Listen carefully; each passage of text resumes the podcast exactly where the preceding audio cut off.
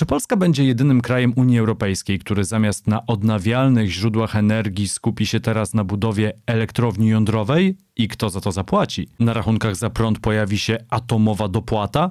O planach rządu, o tym, czy są realne, jaką technologię wybierzemy, ile w tym jest polityki, a ile kalkulacji, porozmawiamy z Dominikiem Brodackim z Polityki Insight. Obserwujcie stronę facebook.com kośnik zielony podcast i mój profil na Instagramie. Polecam, tam w relacji zawsze dużo aktualnych zielonych informacji, ale też okazja do zadania pytań kolejnemu gościowi albo gościni. To zaczynamy. Krzysiek Grzyman, zapraszam.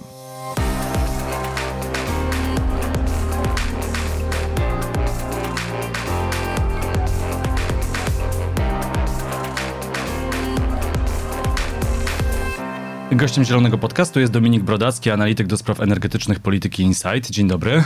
Dzień dobry.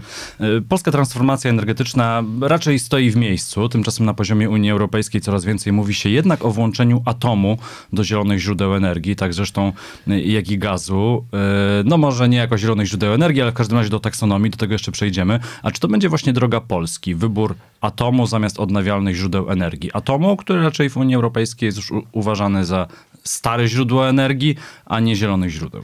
Moim zdaniem nie. To znaczy, mm, Polska będzie rozwijała te dwa źródła energii równolegle, zarówno odnawialne źródła energii, jak i atom.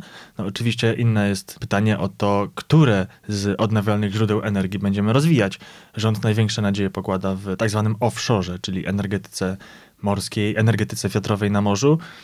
No i oczywiście w fotowoltaice wciąż jest duży spór w rządzie co do tego, co zrobić z wiatrakami na lądzie. Tym bardziej, że wiatraki na lądzie miały być przywrócone w zeszłym roku, to znaczy możliwość inwestowania e, w wiatraki. Ustawa 10H miała być zmieniona, nie została zmieniona, ale z kolei na stanowisku ministra klimatu pojawiła się Anna Moskwa, która offshorem się zajmuje właśnie. To prawda, aczkolwiek e, w kontekście e, wiatraków na lądzie tutaj mm, tą zapowiedź poluzowania przepisów, wspomniałeś o zasadzie 10H, o tym już słyszymy od naprawdę wielu, wielu miesięcy, jeszcze pamiętam od czasów Jadwigi Emilewicz, kiedy kierowała Ministerstwem Rozwoju. No dzisiaj jesteśmy już w 2022 roku, można postawić pomału taką ryzykowną tezę, że wpadamy w okres przedwyborczy. Jak wiemy, wiatraki no, budzą kontrowersje. Wszyscy chcą je budować, ale nie koło swojego domu. I moim zdaniem ten właśnie już ten początek okresu przedwyborczego, taki bardzo długi, powiedzmy, sprint, który się powoli, powoli będzie w tym roku zaczynał, spowoduje, że rząd nie będzie skłonny do odważnych, kontrowersyjnych społecznie decyzji. Ludzie nie chcą mieć wiatraków obok swojego domu, przynajmniej część z nich. Po angielsku się mówi not in my backyard, czyli ludzie chcieliby zielonej energii, ale nie, żeby na przykład ten wiatrak stał obok nich. A czy to nie jest też trochę case y, energii atomowej, y, że to jest kuszące, a z drugiej strony nikt nie chce, żeby obok niego stanęła wielka elektrownia atomowa, mając z tyłu głowy no chociażby Czarnobyl. To prawda i to jest bardzo ciekawy przykład. Ja mogę sobie pozwolić na taki przykład z mojego życia. Pamiętam y, dwa lata temu jechałem rowerem przez taką wieś Gąski na Pomorzu Zachodnim i pamiętam, że mm, wzdłuż drogi stały takie kapliczki i na jednej z kapliczek był wygrawerowany wielki napis Boże strzeż nas od atomu. Okay. To, I to mi tak uświadomiło, że okej, okay, rzeczywiście wszystkie dane Cebosu, różnych sondażowni innych pokazują, że to poparcie dla energetyki jądrowej w Polsce jest całkiem wysokie, to jest nawet 70, może więcej procent, ale nikt tego nie chce mieć koło siebie, no bo to zaraz Czarnobyl, Fukushima i tego typu zagrożenia. Jak sobie z tym radzić z perspektywy rządu? No, myślę, że po prostu edukacja, edukacja i jeszcze raz konsekwentna edukacja, że mm, nie grozi nam drugi Czarnobyl i, i wybuch reaktora i zalanie mm, jakimś promieniowaniem całej Europy. No i jedno to jest elektrownia atomowa, drugie to składowanie odpadów, ale może do tego jeszcze przejdziemy. Ale y, skoro wspomniałeś o roku wyborczym y, i wspomniałeś też o lokalizacji, no to znamy już lokalizację tej pierwszej elektrowni atomowej, która miałaby stanąć w Polsce. Y, to jest gmina Choczewo. No i widać takie przyspieszenie w polskim rządzie, żeby jednak coś z tą inwestycją się zaczęło dziać. Inwestycją zresztą zapowiadaną już przez rząd Donalda Tuska. Tylko, że cały czas ona stoi w miejscu. Czy ten rok 2022 to może być taki rok przyspieszenia dla polskiego atomu, że poznamy już kto będzie dostawcą technologii, jakie będzie finansowanie tego projektu, ile on w ogóle będzie kosztował i czy to będzie energia, na którą nas stać.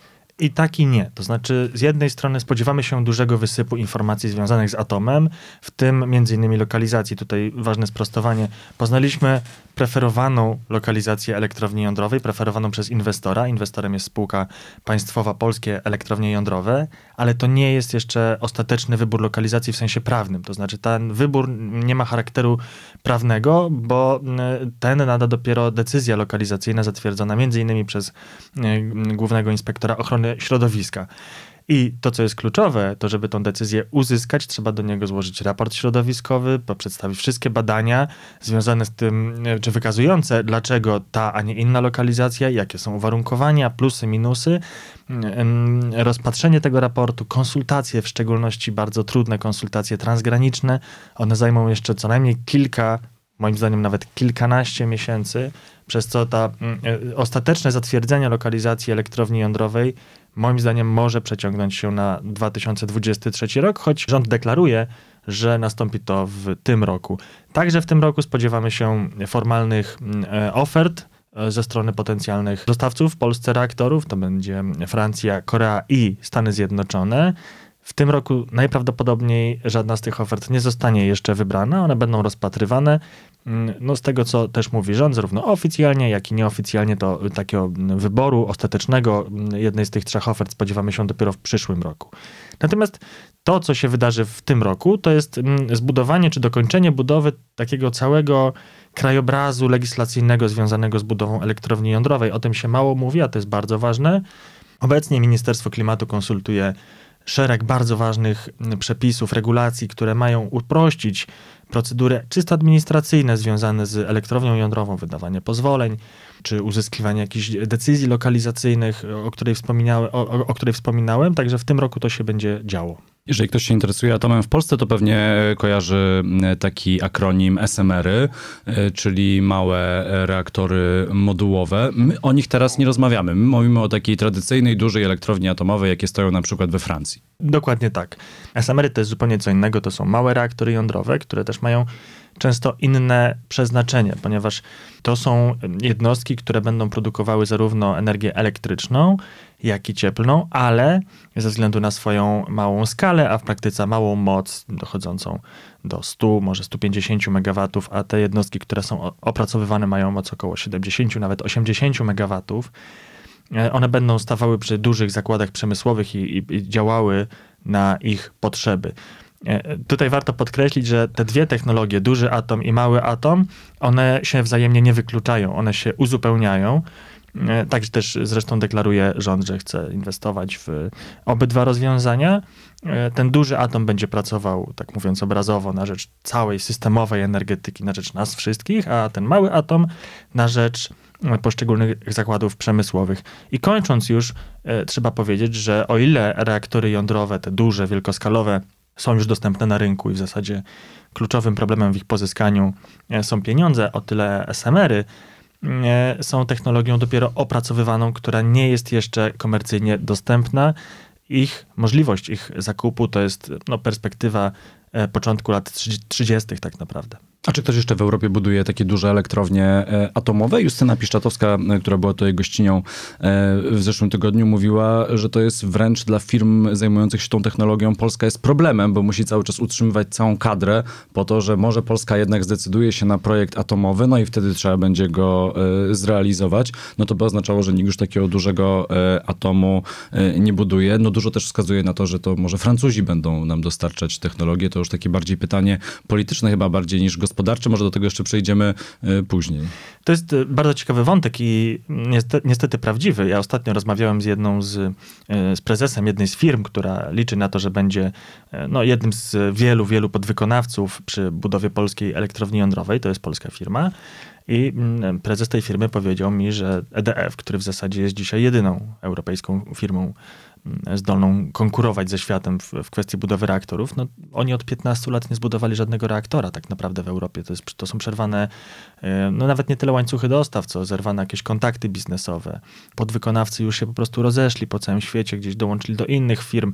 No, ostatni mm, reaktor, jaki został oddany EDF-u, to jest Oikloto 3 w Finlandii, ale ten reaktor też e, miał kilkanaście lat opóźnienia. Także ten problem e, rzeczywiście istnieje. Z kolei osoba z rządu, która jest mocno zaangażowana w rozwój polskiej energetyki jądrowej, e, bo zadałem jej dokładnie to samo pytanie, które ty mi zadałeś, powiedziała, że no to nie jest nasz problem. no trochę jest, trochę nie jest. Jednak. No, to im też bardzo zależy na tym, żeby mm, zyskać kontrakt, zdobyć kontrakt na budowę elektrowni jądrowej w Polsce. EDF to jest to energetyczne ramię e, rządu francuskiego. Oni e, także w polityce no, wewnętrznej Emmanuela Macrona to jest e, no, oczko w głowie tak jak wiele naszych krajowych firm, ale mm, no, to oni muszą pokazać, że oni są zdolni zarówno technicznie, operacyjnie, finansowo, także kadrowo zrealizować ten kontrakt. No my mamy z kogo wybierać. Mamy Stany Zjednoczone, mamy Koreę.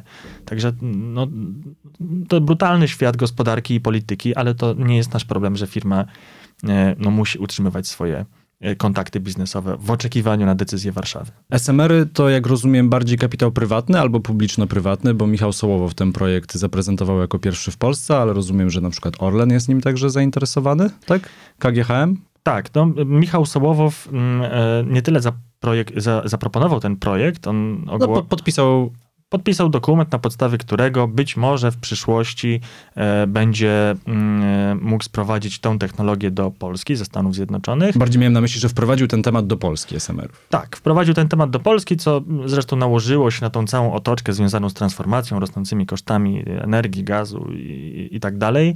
E, Michał Sołowow zaproponował właśnie wprowadzenie SMR-ów jako odpowiedź na, jako to, pod, to odpowiedź na potrzebę budowy samowystarczalności biznesu w Polsce. No i okazało się, że tego typu pomysł e, trafił na podatny grunt, bo zainteresowanie nim zgłosił Orlen, KGHM, Ciech, także no, duże firmy, także państwowe.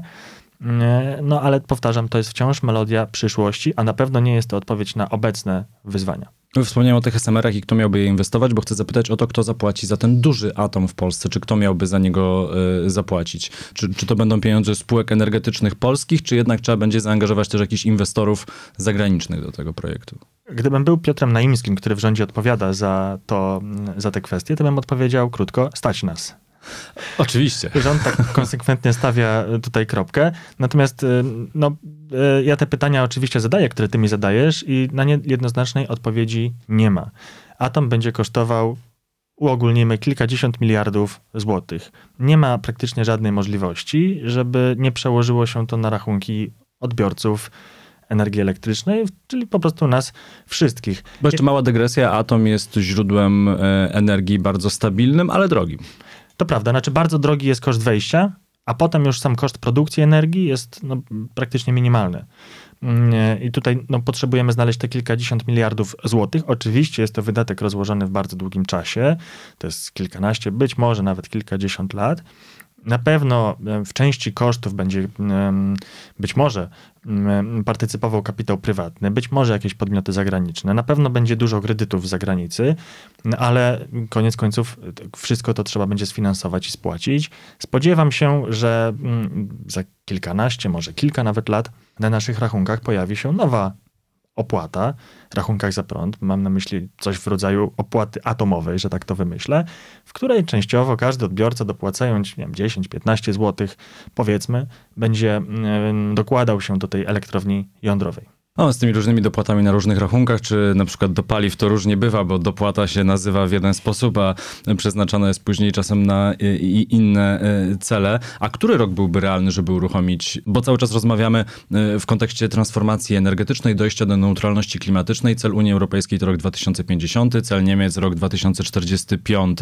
My rozmawiamy w roku 2022. Budowa elektrowni atomowej to minimum 10 lat, jeżeli nie kilkanaście. To o którym roku my mówimy, że realnie realnie pierwsza elektrownia mogłaby zacząć działać, pierwszy blok? Rząd twierdzi, że będzie to 2031 bodajże. Natomiast mm, każdy, kogo zapyta się mm, z rynku, który no, jest trochę lepiej zorientowany w tym temacie, powie, że to jest praktycznie nierealne. Co ważne, także rząd i to istotni przedstawiciele rządu w nieoficjalnych rozmowach przyznają, że raczej się, e, raczej ten poślizg złapiemy. Moim zdaniem, gdybyśmy nagle dostali jakiegoś istotnego przyspieszenia, mam na myśli przyspieszenia w, polegającego na wydawaniu wiążących decyzji, no to jesteśmy już bardziej realnie w połowie lat 30. Też zależy, kto ten atom nam miałby dostarczyć, bo można podać przykład firmy koreańskiej, to jest e, KHNP, która zasłynęła budową reaktora jądrowego czy całej elektrowni jądrowej na pustyni w e, Zjednoczonych Emiratach Arabskich. Oni tam ten reaktor zbudowali w terminie, co się praktycznie na świecie nie zdarza założonym budżecie, co również się praktycznie na świecie nie zdarza. No i też z tego, co ja słyszę, to mm, ich oferta na dostawę polskich reaktorów, na razie nie wiążąca, ale zrobiła całkiem niezłe wrażenie w Warszawie. No problem jest taki, że oferta Korei nie jest połączona z ofertą polityczną, czego nie można powiedzieć o ofercie francuskiej czy amerykańskiej. Nie chcę tutaj nikomu politycznie podpaść, ale myślę, że w Zjednoczonych Emiratach Arabskich może trochę inaczej wyglądać wykonawstwo e, i e, przykład też e, położonego obok Kataru i budowy tam stadionów pokazuje, że jeżeli coś ma być zrobione na czas, to będzie, ale wysokim kosztem. No to tak pół czartem, pół serio można powiedzieć, że rzeczywiście demokracje nie sprzyjają realizacji wielkich inwestycji, no bo tych krajach niedemokratycznych albo powiedzmy o takich wątpliwej demokracji po prostu ma być zrobione i nikt cię nie pyta w jaki sposób i kiedy, tylko po prostu ma być na czas i cześć. No właśnie. E, e, no ale politycznie e, najpierw wskazywano na Stany Zjednoczone, że to one mogą być tym wykonawcą. Wtedy, gdy rządził Donald Trump, władza w Stanach się zmieniła, jest mniej przychylna Polsce, mówiąc eufemistycznie. No ale teraz wydaje się, że może takie porozumienie zostać podpisane jednak z Francuzami. Po pierwsze, Francuzi chcą, żeby do tej taksonomii, czyli do tych listy zielonych inwestycji w Unii Europejskiej został wpisany y, atom i gaz. Taka propozycja Komisji Europejskiej pojawiła się na początku tego roku. Poza tym z Francuzami mieliśmy jakieś tam zatargi o uzbrojenie, ale wydaje się, że ta sprawa została już wygładzona i Podobno prezydent Francji Emmanuel Macron e, ma nastawienie do polityki międzynarodowej dość transakcyjne. To znaczy, jeżeli my się zgodzimy na kupno technologii od Francuzów, to Francuzi przymkną oko na inne rzeczy w Polsce. No, biznes jest biznes, można powiedzieć. Francuzi mm, mają duże szanse na kontrakt, y, głównie z y, uwarunkowań politycznych. Rzeczywiście Francuzi mają Polsce dużo do zaoferowania na forum nie tylko gospodarczym, ale także na forum y, Unii Europejskiej. Francuzi wciąż są krajem, który ma no, dużo do powiedzenia we wspólnocie i dużo może Polsce załatwić. Dużo do powiedzenia ma szczególnie w tym półroczu, bo Francja przewodniczy Unii Europejskiej od 1 stycznia. To prawda, a co ciekawe, to się też nakłada na kampanię prezydencką we Francji. E, Emmanuel Macron, o tym powiedziałem, EDF dla niego jest tym oczkiem w głowie, no i bardzo też mu zależy na takim sukcesie gospodarczym, w związku z tym będzie budował, czy będzie pieczołowicie dbał o te relacje jądrowe w cudzysłowie z Polską. Ale tu jest ten problem znowu z tym EDF-em, który przez kilkanaście lat nie rozpoczął budowy żadnego reaktora. Wszystkie inne reaktory, jakie budował w Europie, w Wielkiej Brytanii, w Finlandii, no, napotykały potężne problemy. Pytasz, czy faworytem są Stany Zjednoczone? Tak było. Prawdopodobnie nadal tak jest. Nie wiązałbym tutaj tych moich wątpliwości ze zmianą w administracji amerykańskiej, z objęciem funkcji prezydenta przez Joe Bidena. Myślę, że to są decyzje ponadpersonalne, no ale znowu pojawia się kwestia mm, możliwości Stanów Zjednoczonych i przede wszystkim tej oferty politycznej, czyli tego, jak dużo Polska może ugrać na wyborze tego czy innego oferenta. A czy to już jest postanowione, że do tej unijnej taksonomii, do tej listy zielonych inwestycji Atom zostanie wpisany, czy to jest na razie propozycja no, wychodząca między innymi od Francuzów, którym na tym y, zależy, bo sami Atomem stoją? Po wielu miesiącach e, bojów można powiedzieć, że jest już to bardzo, bardzo prawdopodobne, że ten atom, podobnie jak i gaz, trafią do taksonomii. E, pod koniec roku, dokładnie 31 grudnia, czyli w, w Sylwestra, Komisja Europejska przesłała państwom członkowskim do konsultacji projekt aktu delegowanego do taksonomii. To jest takie rozporządzenie, które określa, które działalności e, związane z energią można uznać za E, zrównoważone środowiskowo. E, I w tym projekcie, który wyciekł do mediów, e, pojawiły się kryteria uznania energetyki jądrowej i gazu za właśnie technologie przyjazne środowisku, wspomagające realizację unijnych celów klimatycznych. Ta propozycja najprawdopodobniej się utrzyma. W połowie stycznia, prawdopodobnie 18 stycznia, Komisja Europejska ma opublikować ostateczny oficjalny dokument w tej sprawie. Nic nie wskazuje na to, żeby atom z, mm, z tego dokumentu wypadł. Ku uciesze Polski, mm, paru innych krajów z Europy Środkowej, także mm, Południowej, ale ku, mm, no, przy jednak potężnym sprzeciwie innych państw, na przykład Niemiec. No właśnie, chciałem powiedzieć, że Polska i Francję na mapie Europy dzielą Niemcy i w kwestii atomu zdecydowanie e, też. Jeszcze w zeszłym roku w Niemczech u naszych zachodnich sąsiadów działało sześć elektrowni jądrowych, ale trzy już zostały zamknięte z końcem roku, więc zostały tylko trzy, które mają zostać zamknięte z kolei do końca tego roku. No i gdzie my się wpisujemy z naszym budowaniem atomu za kilkanaście lat w to, co robią nasi zachodni sąsiedzi? Myślę, że jesteśmy w zupełnie innym momencie rozwoju naszej energetyki i w ogóle transformacji. Przede wszystkim w Niemczech odejście od atomu popierają praktycznie wszystkie siły polityczne i społeczeństwo, może poza radykalną AfD, która tutaj zgłasza pewien mm, sceptycyzm. Ich polityka w tym zakresie jest bardzo konsekwentna od ponad 10 lat. Oni też uważają, że y, odejście od atomu powinno następować razem z wygaszaniem bloków węglowych i przestawiają swoją energetykę na gaz. I u nich, jak, jeśli spojrzymy na taką sinusoidę emisji, to oni zakładają, że po wyłączeniu elektrowni jądrowych emisje przejściowo wzrosną, no bo będzie gaz, ale potem zaczną radykalnie spadać, no bo równocześnie bardzo dużo inwestujemy w odnawialne źródła energii. Polska jest w zupełnie innym punkcie, dlatego że my dzisiaj stoimy w przededniu potężnej decyzji, w co zainwestować, jaką technologię produkcji energii pozyskać, żeby móc produkować energię elektryczną w tak zwanej podstawie, to znaczy bez względu na warunki pogodowe czy jakiekolwiek inne czynniki. Odnawialne źródła energii nie spełniają tego kryterium Gaz no, z kolei jest paliwem emisyjnym, a od węgla musimy odchodzić. Stąd rząd tak trochę drogą eliminacji postawił na ten atom. No, my stoimy w zasadzie przed tą decyzją od wielu, wielu lat. Y, udział energii węglowej w miksie mm, to pewnie będzie cały czas około 70%, chociaż danych za 2020 rok chyba jeszcze nie było. Ja się nie spotkałem, ale mniej więcej to będzie tego typu um, udział. Ja konsekwentnie powtarzam od dawna, że o tym, kiedy będą wyłączane bloki węglowe, no oczywiście to będzie zależało od naszych możliwości zastąpienia ich inną technologią produkcji prądu, ale w dużej mierze o tym zdecydują warunki rynkowe. A skoro transformację energetyczną zaczynamy tak późno, czy nie mamy jakiejś takiej premii za zapóźnienie? Tak na przykład było z polską bankowością. Polskie banki były jakie były e, przed transformacją, a gdy zaczęły się rozwijać, to nagle okazało się, że mamy jeden z najnowocześniejszych systemów bankowych w Europie, gdzie każdy może płacić zegarkiem, telefonem, kartą. Coś, co w Stanach Zjednoczonych było prawdziwą rewolucją i tam wciąż korzysta się z czeków. My pewien etap przeskoczyliśmy. Czy w energetyce my nie możemy przeskoczyć na przykład etapu atomu?